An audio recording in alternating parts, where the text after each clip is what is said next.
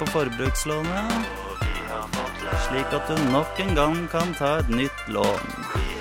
Nei, vi har det grådig godt her på berget, det må jeg si. Jeg skal, tror jeg skal kjøpe meg en ny bukse, jeg nå. Ta meg et par billige på henne som er uts. Så har jeg litt eh, penger til boblevann også. Da gjenstår det bare å ønske hver og en av dere en riktig god helg der ute, kjære Oslo. Det har blitt en farlig by, men ta vare på hverandre, så går det nok greit. Si nei til narkotikum. Hva jeg skal gjøre i helgen? Nei, jeg skal ta meg en liten tur på Nedstrippa, eller? Skal sitte på radioen og kose meg. Og se T-banen kjøre forbi oppå Majorstua her. Det er så koselig. Så skal jeg ta meg en liten tur på Herr Nilsen etterpå. Da var det fredag, fredag igjen. Fredag over hele byen. Da var det fredag, fredag min venn. Og vi har fått lønn. Dette. hovedspørsmål, og det hadde vært siden eh, Noam Chomsky etablerte den greina av lingvistikken som, som jeg befinner meg i. Vi håper jo på bredest mulig oppslutning om SV, og jeg tror at det eneste som kan få norsk løsner båndene mellom staten og kirka, og forhåpentligvis fører til tettere bånd mellom kirka og folk. Så hadde de gjort som andre fjøringsbevegelser i verden, hadde de helt legitimt kanskje tatt i våpen. Og så direkte skildring av menneskeskjebner tror jeg ikke vi har sett eh, i noen annen nyhetsdekning av noen annen terroraksjon. Det er såpass store forskjeller mellom den kalde krigen, hvor det var to supermakter som sto mot hverandre, eh, og den situasjonen vi har i dag. Du hører på samfunns- og aktualitetsmagasinet Opplysningen 99,3 på Radio Nova. Opplysningen 99,3 på Radio Nova. Tanzania er et populært reisemål for mange norske turister, men hvordan står det egentlig til for innbyggerne i landet? Bondene roper ulv, ulv, men er det egentlig ulven som dreper sauen? Selv om det er 25 år siden apartheid-regimet endet i Sør-Afrika, er fortsatt rasisme en stor del av sørafrikanske, det sørafrikanske tankegodset. Um, vi ønsker velkommen til et nytt medlem, og så skal vi diskutere uh, boken 'Opplysningen nå'. P-stasjon har en innvirkning på den enkelte nordmanns selvfølelse og identitet. De sliter, og de har ikke råd til å betale eh, markedspriser for, for gassen. Akkurat nå hører du på Radio Novas samfunns- og aktualitetsmagasin, Opplysningen 99,3.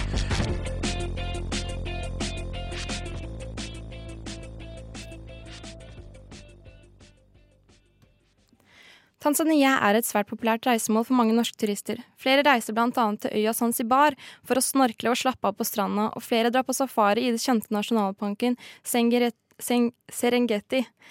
Eh, Tanzania har blitt sett på som Øst-Afrikas mest velfungerende demokrati, men siden presidentvalget i 2015, da John Pombe Magufili ble president, har landet tatt en stadig mer autoritær vending.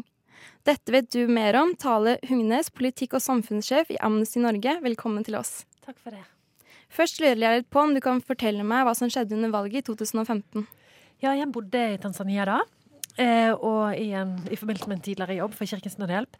Eh, da eh, var det Altså egentlig så representerte presidentvalget i eh, Tanzania i 2015 et håpstegn, eh, fordi opposisjonen for første gang klarte å samle seg og representerte en reell maktutfordring til, til makten i Tanzania. Altså, Tanzania har siden frigjøringen og siden innføringen av flerpartisystem blitt styrt av ett eh, parti, som heter CCM, eh, og mm, eh, det er det statsbærende partiet. Eh, eh, så eh, klarte da opposisjonen å samle seg, eh, men eh, det, det satte liksom Det ble litt eh, jordskjelv, da, i, i CCM. De måtte finne måter å reagere på.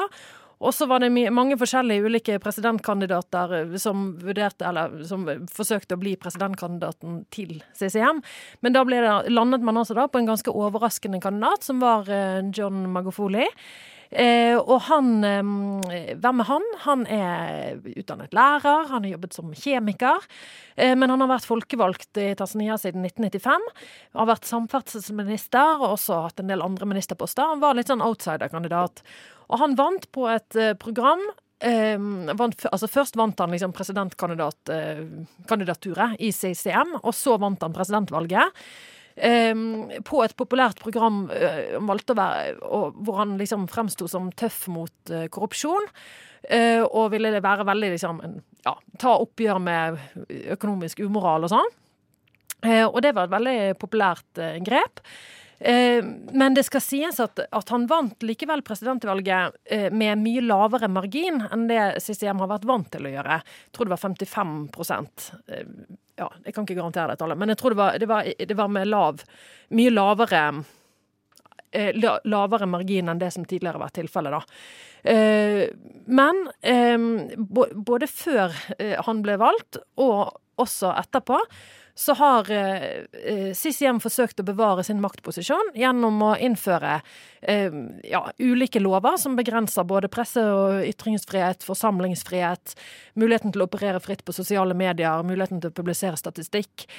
Um, sånn at det har skjedd en autoritær vending i tanzaniansk politikk som eh, vi i Amnesty oppfatter som veldig bekymringsfull. Mm. Ehm, ja, han har jo fått kallenavnet Bulldoseren. Hva sier dette om hans lederstil? Altså, han ønsker nok eh, Jeg tipper han liker det kallenavnet. jeg. Men han ønsker nok å fremstå som handlekraftig. Eh, og han eh, begynte jo eh, sin presidentperiode med å troppe opp på sykehus eh, og avsette eh, korrupte ledere eh, på stedet. Eh, og det er klart at sånne on the spot-avsettelser er veldig sånn symboltunge. Men, eh, og veldig populære. Eh, Men det er klart det skjer jo ikke i tråd med liksom, rettsstatslige prinsipper eh, og, og et normalt stillingsvern, kan man si. Sånn at hans Altså min forståelse av dette har vært at han ikke har hatt en sånn et reelt ønske egentlig om å endre maktstrukturen i landet, men han tar en veldig moralsk tilnærming til korrupsjon. Altså, tenker at Korrupsjon det handler ikke om eh, urettferdige maktstrukturer eller systemer, eller sånt, men det handler om å eh, om eh, individuell moral. Det handler om å være et godt og flinkt menneske. Så han liksom bekjemper korrupsjon med pekefinger, ikke med systemendringer og styrking av, av rettsstaten. Um, og det kan man jo se både på disse her sånne on the spot eh, on the spot-avsettelser og andre sånne populistiske grep da, uh, mot korrupsjon. Men han har jo også hatt uh, flere utspill. Både knyttet til at man må rydde opp i seksuell umoral blant ungdom, og derfor så vil han ikke ha unge jenter på, som blir gravide på skolen lenger. Så det er på en måte en, en trussel mot samfunnets moral, da. Eh, eh, på samme måte som mener at de som bruker eh, prevensjon, er late fordi de ikke gidder å oppdra barn. Og, og, så har det vært disse utspillene mot LHBT-personer, da. Ikke fra Mogofoli eh, selv, i hvert fall ikke det siste året, men han har jo en guvernør da i Dar es Salaam, en fylkesmann i Dar es Salaam, som er den største byen, som har hatt noen utspill som har vært ganske eh, alvorlige, da. Mm. Hvordan har innbyggerne i Tanzania reagert på dette? Eh, ja, når det gjelder eh, eh, dette med, eh, med eh, situasjonen for LHBT-personer, eh, så er det klart at de som eh, selv er eh, LHBT-personer, har jo blitt redde. Mange har gått i dekning. Eh, det har gjort situasjonen verre for dem. Eh, samtidig så har jeg lyst til å si at, at selv om denne guvernøren i høst eh, kom med et utspill om, om heksejakt mot eh, homofile, da, eh, så kom regjeringen ganske raskt på banen gjennom utenriksministeren og tok avstand fra denne uttalelsen. Um, sånn at eh, De ville presisere da at dette ikke var eh, offisiell eh, tanzaniansk eh, politikk. Men det er klart de har fremdeles eh, den gamle koloniloven fra viktoriatidens London, som forbyr eh, eh, altså sodomi, da, som det heter i loven. Altså eh, homoseksualitet, eh, aktivitet mellom menn. Um, øh, og, og det er ingenting som tyder på at den kommer til å bli opphevet med det første i, i Tanzania. Det er jo noe bevegelse kanskje i enkelte andre eh, land. Det er veldig spennende eh, høyesterettsavgjørelse i Kenya i dag, som handler om dette, blant annet. Eh, men eh, altså bare for, for, å si liksom om eh, situasjonen i Tanzania, da. Det er litt annerledes enn her. For dette, i Tanzania er jo eh, flerkoneriet eh, tillatt, eksempel. Eh, det har jo røtter både i islamsk tradisjon og i, i ulike altså tradisjonelle afrikanske religioner. Sånn at det å liksom ha, verne om liksom det eh, den, eh, altså ekteskapet mellom mann og kvinne, da, det, det, blir, det er en veldig sterk identitetsmarkør. Eh, særlig for, for, for, ulike kristne menigheter, da. Men denne autoritære vendingen, den har fått betydelig, altså, fått betydelig kritikk fra viktige aktører, også fra, fra det katolske bisperådet. Eh, som en viktig, viktig premissleverandør i tanzaniansk offentlig debatt. Og det, en, det treffer nok Magofoli litt, fordi han selv er katolikk. Mm. Ja, Det har jo vært snakk om å kutte bistanden eh, til Tanzania for å ta avstand til måten de behandler homofile på, men tror du det har noe for seg? Jeg tror ikke bistandskutt er riktig vei å gå. Bistandskutt, eh, det vil bare ramme de fattigste. Og det vil i tillegg lukke de kanalene vestlige land har for dialog med Tanzania på disse tingene. Så jeg tenker at man må jobbe på helt andre måter. Man må opprettholde eh, bistand, men gjerne gjøre noe med bistandsinnretning, sånn at man sørger for å styrke ja, gjerne LHBT-organisasjoner eh, og andre som arbeider for eh, menneskerettighetssituasjonen i Tanzania. Eh, men bistandskutt tenker jeg er helt feil eh, medisin. Mm. Eh, hva håper du vil skje eh, hos Tanzania framover? Tanzania er et fantastisk land. Det er utrolig gode mennesker, og landet har eh, mange muligheter fremover. Det er et rikt land, rikt på naturressurser. Både gjennom turisme, gruveindustri. Eh, de har også funnet olje- og gassforekomster. Det må jo handle om at man klarer å fordele de ressursene godt, og sikre eh, at disse godene kommer hele folket til gode. Men for å klare det, så trenger man også de politiske og sivile rettighetene. Ytringsfrihet, forsamlingsfrihet. Og hvis man ikke har de på plass, da undergraves eh, også eh, rettferdig fordeling og, og fattigdomsbekjempelse. Jeg tenker det, det, skal være nytt presidentvalg i 2020. Der er det en viktig opposisjonspolitiker som har sagt at han vil være presidentkandidat. Om han faktisk blir opposisjonens presidentkandidat, det er en, en annen sak. Men han heter Tundu Lissu, sentral opposisjonspolitiker. ble utsatt for et, eh, et eh, drapsforsøk for ett og et halvt år siden, men har, han overlevde nærmest mirakuløst etter å bli truffet av 16 kuler. Men det blir spennende å se om han klarer å få noe altså For det første bli valgt som opposisjonspresidentkandidat, og om han også klarer eventuelt å vinne valget. Det skal nok en del til. Men hvis Magofoli får en andre periode, så skal det i utgangspunktet være hans siste periode, men man kan jo kanskje se for seg at han vil forsøke å endre grunnloven, sånn som andre afrikanske ledere har uh, prøvd å gjøre. Men jeg tenker Tanzania står utenfor, uh, står overfor flere utfordringer, bl.a. knyttet til befolkningsvekst, uh, som til en viss grad spiser opp den økonomiske veksten i landet. Så dette med reproduktiv helse, familieplanlegging og kvinners menneskerettigheter er viktige deler av eh, av oppskriften framover for at menneskerettighetssituasjonen i Tanzania skal bli bedre. Mm. Tusen takk for at du kom, Tale Hugnes, politikk- og samfunnssjef i Amnesty Norge.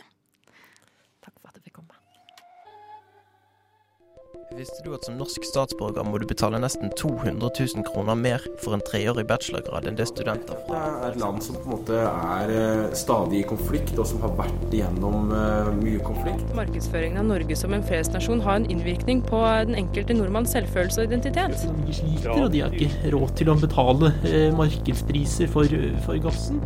Radio Novas samfunnsprogram Opplysningen 99,3 hver fredag mellom 10 og 11.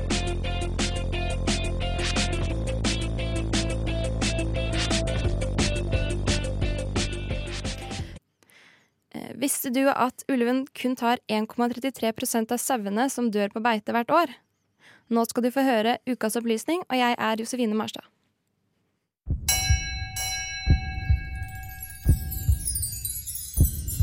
Ukas opplysning. Miljødirektoratet informerer om at ulven bare står for 9% av andelen erstattet tapt til rovviltartene i 2016. Mens jerv er på hele 34% gaupe er på 21% og ulv er på 15% Rovdyrsmotstanden har pekt ut ulv som en stor trussel mot sau. Men de fleste sauene og lammene som dør, dør pga. sykdom og ulykker som drukning og fall. I 2017 regnet rovbase.no igjen ut hvilket rovdyr som tar flest sau.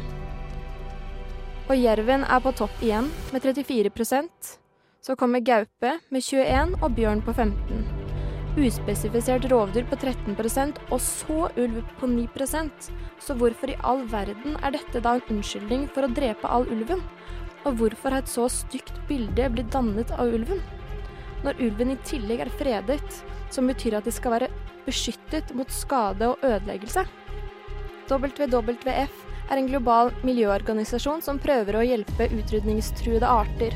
De informerer om at ulv, jerv, gaupe og bjørn er Norges fire store rovdyr, og alle er sterkt eller kritisk truet. De informerer om hvor viktig rovdyrene er for oss og økosystemet vårt.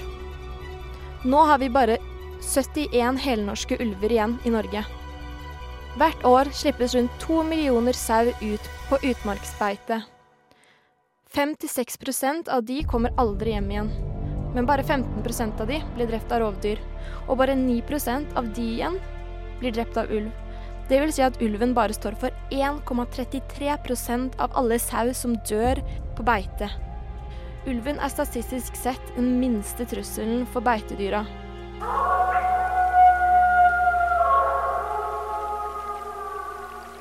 Myter om ulv. 1. Ulv er farlig for mennesker. Nei, ulv har i svært få tilfeller drept mennesker, og da oftest når all naturlig føde er utryddet og den er syk med rabies. Men rabies forekommer ikke i Norge. Ulven er redd for mennesker og vil unngås til enhver pris. To. Ulvestammen har kommet ut av kontroll.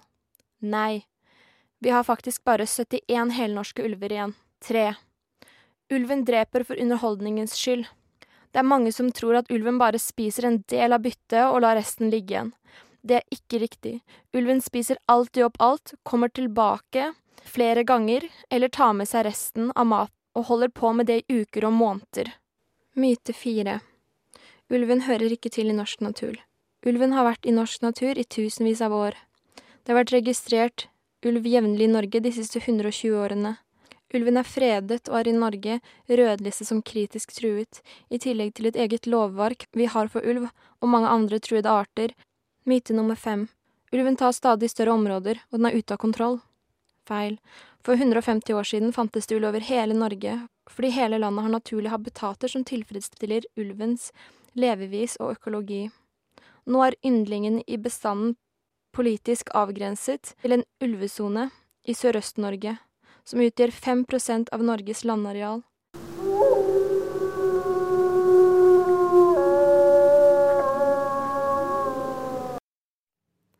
Det var ukas opplysning av meg. Det er jo klart for de fleste at noe, noe er galt med verdensøkonomien. Alvorlig galt. First thing I, I went into prison, a young man, and I got out of it a very old man. Du hører på Opplysningen 99,3 på Radio Nova. Du eh, Josefine. Ja? Du, hva er det første du tenker på når du tenker på Sør-Afrika? Um, apartheid. Ja, for altså, Dersom du kommer liksom inn i en samtale om Sør-Afrika, så er det veldig naturlig å tenke på apartheidregimet som endte i 1994. Men selv 25 år etter enden på regimet i dag er fortsatt rasismen til stede i den sørafrikanske kulturen og tankegangen. Ifølge FN er 80% av befolkningen i Sør-Afrika av mørkhudet afrikansk bakgrunn, men fortsatt møter denne majoriteten motstand fra den hvite minoriteten og vice versa. I studio i dag har vi med oss sørafrikanske Movisi Mbabane, Welcome to our studio. Uh, really great that you could be here. I'm so sorry for uh, terribly slaughtering your name. no, that's fine, man. Pleasure is all mine. Um, so, how do you see racial tendencies in South Africa today? Like, what what do you see of it? Okay, what what I can just say is that uh, as much as it's been 20 years since apartheid, like since uh, like blacks have been freed, not much is like has changed really in terms of uh, like people being divided because you find that there are places like if you could check pictures you find that there are places whereby like whites live where it's really posh and very different from the conditions that blacks live in. But and then now you find that now there's gonna be some tension and also racism is gonna arise from that because now you find that the most pl- pl- places where black people stay there's a lot of crime that I cannot deny.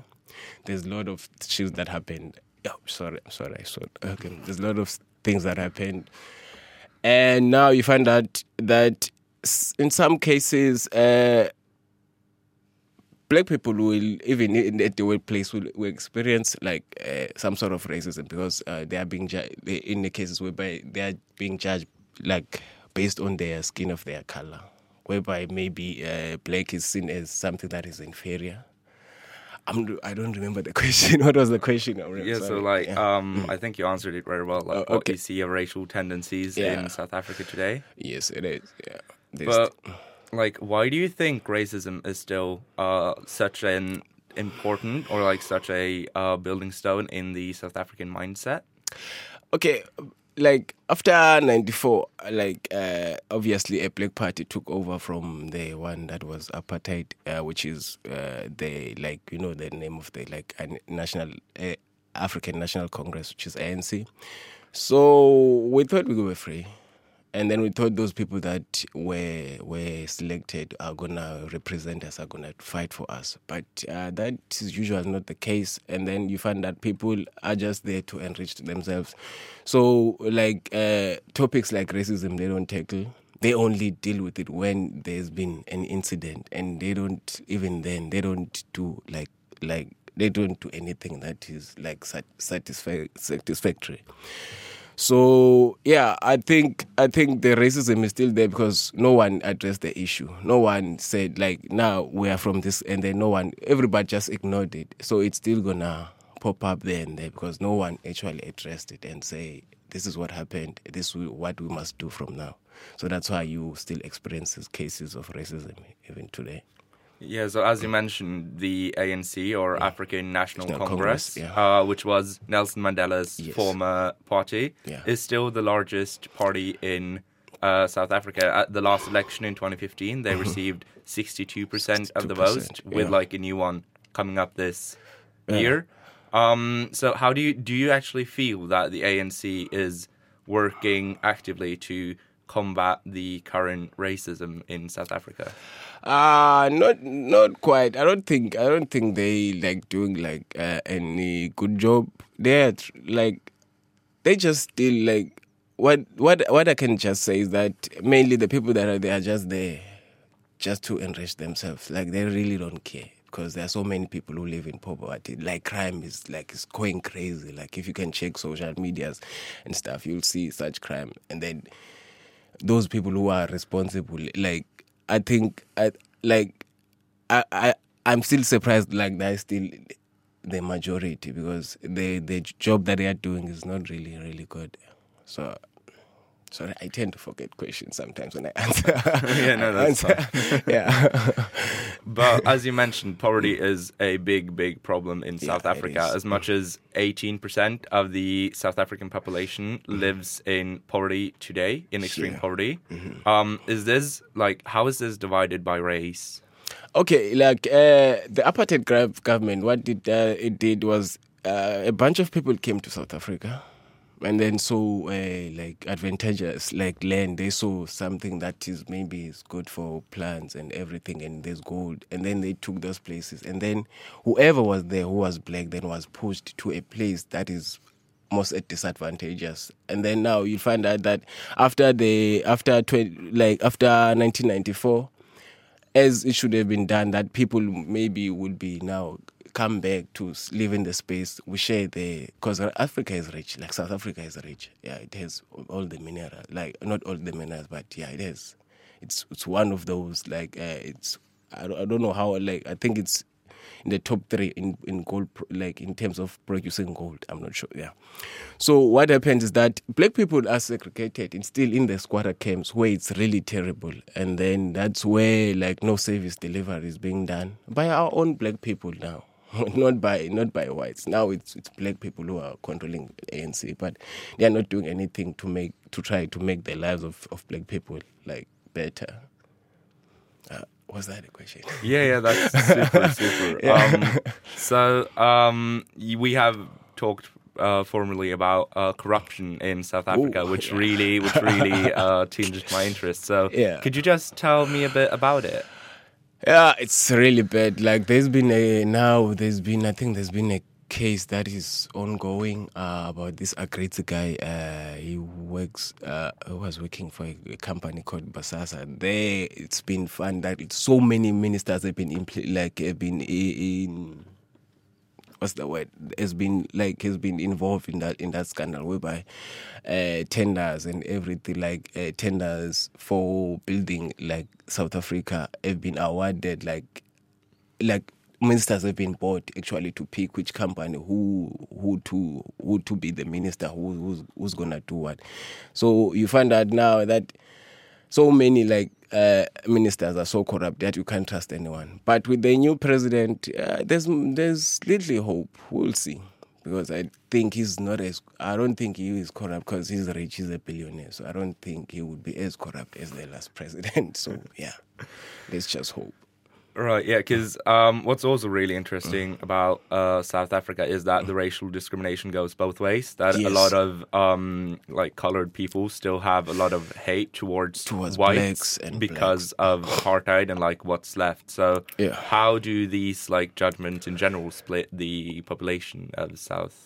Yeah, uh, yeah, okay. Uh, by colored, do you mean blacks or coloreds? Because there's a there's there's a group of people called coloreds in South Africa. Oh, yeah, so, no, and I- then coloreds is black. In Yeah, no, I- I refer to black people Black people. Oh, oh, yeah. So yeah, what happens is that uh, some people uh, still have that those scars. Like they would rather be like be oppressed by a black person than like to to do anything for a white person. Like there's been an incident uh, not so long ago whereby um a beggar uh, uh, who is a white a white person who was begging in the street, and then the guy took a video and said like said on on his face that I would never like my my ancestors would cry if I can give you anything, which is that would be the racism. Like the racism also goes like both ways because you find out some blacks just don't white any white. Like some black people will be like, even if they see me with pictures, oh now you are sellout, you you you going like you you you are with them now.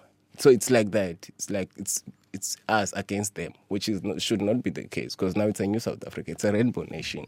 We should be all be together because now if you were born in South Africa, whether you're white, brown, or green, you're still a South African.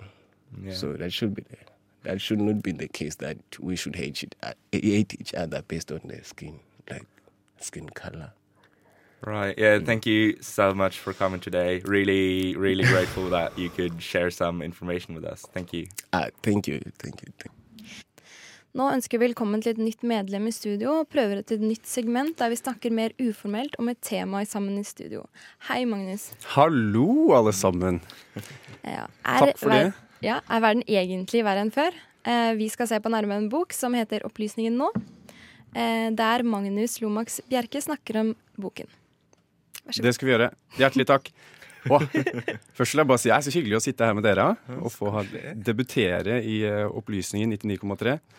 Um, så ja, ikke sant. Eh, Skal gjerne teste ut dette segmentet her. da, Ved liksom ta en idé og, og relatere til ting som skjer i samfunnet nå. Leke litt med sånn tentativ tittel. Kan vi kalle det Idéhjørnet, kanskje? Kontroverskroken. Jeg vet ikke, Gjerne send inn forslag, alle lyttere, til hva vi kan eh, kalle dette her for noe. Kanskje en framtidig opplysning? En framtidig opplysning. Ja, ikke sant? Om, om, om hva vi kan kalle dette, dette her, da. Um, men jo, så det er det jeg har tenkt på, da. Um, meg at jeg leser i nyhetene og ser ofte veldig mye at det er mye dritt som skjer i verden. Ikke sant? En ting, vi har eh, apartheid, ikke sant? vi har helvete som skjer i, i Tanzania og sånne ting. All ulven blir drept, og, og alt går litt sånn til helvete. Og det, og det er veldig fort gjort, tror jeg, og jeg har kjent på det sjæl og føler at ting var bedre før i tida, at verden blir bare verre, da. Um, og i hvert fall når man ser på media, så får jeg på en måte inntrykk av dette her. Men da er spørsmålet er ting faktisk verre nå enn det var før. Um, og da har jeg lest en bok som heter eh, 'Enlightenment Now', skrevet av Steven Pinker. Uh, han er en uh, kanadisk psykolog og lingvist som er kjent for bøker sånn som uh, 'Better Angels of Our Nature'. Men så var det 'Enlightenment Now', kommet i fjor. Eller 'Opplysning nå', som heter på norsk. Og den har da undertittelen 'Et forsvar for fornuften, vitenskapen, humanisme og fremskritt'. Um, og da er det ingen hemmelighet at han er en litt sånn her opplysningstidens mann. Uh, og basically prøver å beskytte disse, disse, verdiene, da. Så tesen i boken er at han mener at uh, disse opplysningsverdiene, altså fornuften, vitenskap og humanisme, har vært det som har ledet til veldig mye fremskritt nå i den moderne verden. Um, og at vi er nødt til å, å passe på dette her. Så han spør spørsmålet er verden bedre nå. Se på fakta. Eh, og konkluderer da, slik han ser på fakta, at eh, ja, verden er et, et bedre sted. Hvorfor? Jo, pga. opplysningstidsidealene, basically. Og så tenker han at ok, og da må vi fortsette med det, og isolere hva det er som funker, eh, og hva som ikke funker. Altså, Det er jo veldig interessant. Det kom jo fram en undersøkelse for mange mange år siden. Eller det er i hvert fall en sånn veldig veldig delt fakta. da, At det er mye mye mindre krig på jorda vår i dag enn det det var før. Altså at uh, mengden krig har gått ned, selv om vi hører veldig mye om liksom Syria, Irak, uh, Midtøsten, alle disse områdene her, så er det jo faktisk mindre krig. Og det er veldig interessant. Det er jo få som snakker om det. Akkurat det. Det er et eget kapittel i, uh, i boken Enlightenment Now som handler om krig. hvor det er en, en haug med grafer som man kan se på, som viser hvordan krig har gått ned. Selvfølgelig så ser du noen spikes når det plutselig har blitt noen store kriger. Uh, og sånn som Irak-krigen, så plutselig er det en spike. Men trenden da, når du ser på statistisk, er at ting har gått veldig veldig uh, mye nedover. Og så må man tenke på at det, det er en bra ting. Men igjen, man, man, vet ikke nødvendigvis det hvis man bare følger med i media, for vi ser jo så mye mer om det. Men igjen da, måten han måler dette her på, da, um, er at uh, måler menneskelig velferd. Fra et humanistisk perspektiv så fokuserer hovedsakelig på mennesker. Og da måler ting som du kan finne i f.eks. FN sine Sustainable Development Goals, sånn som helse, sikkerhet, eh, tilgang til mat, at du har noe gøy å drive med. ikke sant? Og da tenker jeg at Har du mer av disse tingene, er en bra, bra ting. Så har du mer nå enn du hadde før, så er det da fremskritt. da. Og så går man på en måte eh, kvantitativt, statistisk til verks, eh, og ser på de lange trendene i dette her. Så da greier man at han konkluderer da, i boka si med at basically alt har blitt veldig veldig mye bedre. Han har fått litt kritikk på Han har et kort kapittel om om miljø og et kapittel om uh, hva, hva kaller det for noe? Uh, inequality. Jeg har lest det på engelsk. Jeg, bare, jeg er litt sånn internasjonal, jeg bare blander inn litt engelsk. Det må bare unnskylde meg. Um, og jo, sosial ulikhet heter det. Um, så noen som har kritisert han litt på måten han leser tall der, uh, og at han kanskje ikke har brukt nok tid på det. Og det er en interessant kontrovers som vi gjerne kan snakke mer om. Men de, de store trendene er at ting har blitt bedre. Men det ser vi ikke nødvendigvis. Og da analyserer han Eh, noen kognitive litt sånn bugs, og noe med media som gjør at vi, vi tenker sånn. Det er det jeg har lyst til å fokusere på. Så da fokuserte han på um, åpningskapitlet. heter 'Progressophobia'. Hvorfor tror vi ikke at ting blir bedre? Eh, så han på arbeidet til Daniel Kahneman og Amos Tversky, som skrev boken 'Thinking Fast and Slow', som er en sånn kjempebibel innenfor uh, atferdsøkonomi. Og da snakker du noe som heter the availability heuristic. Og det at vi estimerer eh, sannsynligheten for at noe skal skje, eller hvor vanlig det er, basert på hvor lett vi kommer på eksempler. Så for eksempel, hvis du spør meg eh, er det ofte flykrasj, så kanskje har jeg sett veldig mange historier om hver gang det er flykrasj, så jeg kan komme på i hvert fall fem eksempler på flykrasj.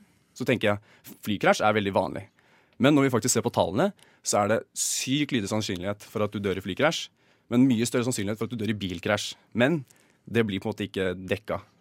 Eh, så det er en bug. Samme med å bli spist av hai når du er i sant? Det, det blir plutselig en stor sak. Noen blir spist av hai. Så jeg kommer på mange eksempler, men det er ikke representativt på hvor vanlig det faktisk er.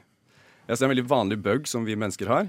Og når du da kombinerer det med det som heter um, 'if it bleeds, it leads' innen media, uh, som gjør at uh, det er liksom vold, det er krig, det er sånne ting som selger veldig godt. Det får kliks, og det er også interessant å, å, å snakke om. Vi snakker om det mye i dette programmet her. ikke sant? Så hvis vi da ser på media og ser veldig mye krig hele tiden, og også da med availability heuristic kan tenke på veldig mange veldig mange ting som har skjedd, fordi jeg bare åpna avisen i dag tidlig. Så det er veldig lett å tro at dette er mye vanligere enn det faktisk er. Um, og det kombineres med enda flere ting. Uh, Amos Tversky, samme karen som um, jobbet med availability heuristic, han har også gitt navn til noe som han kaller negativitetsbias. Så det at I menneskelig hjerne det er mye lettere for oss å tenke negativt på ting. Vi setter mye større vekt på negative ting. Han gjorde noe forskning der um, han stilte folk spørsmål um, Det er veldig simplifisert, men sånn Hvor mye bedre kan du se for deg at livet ditt blir i dag?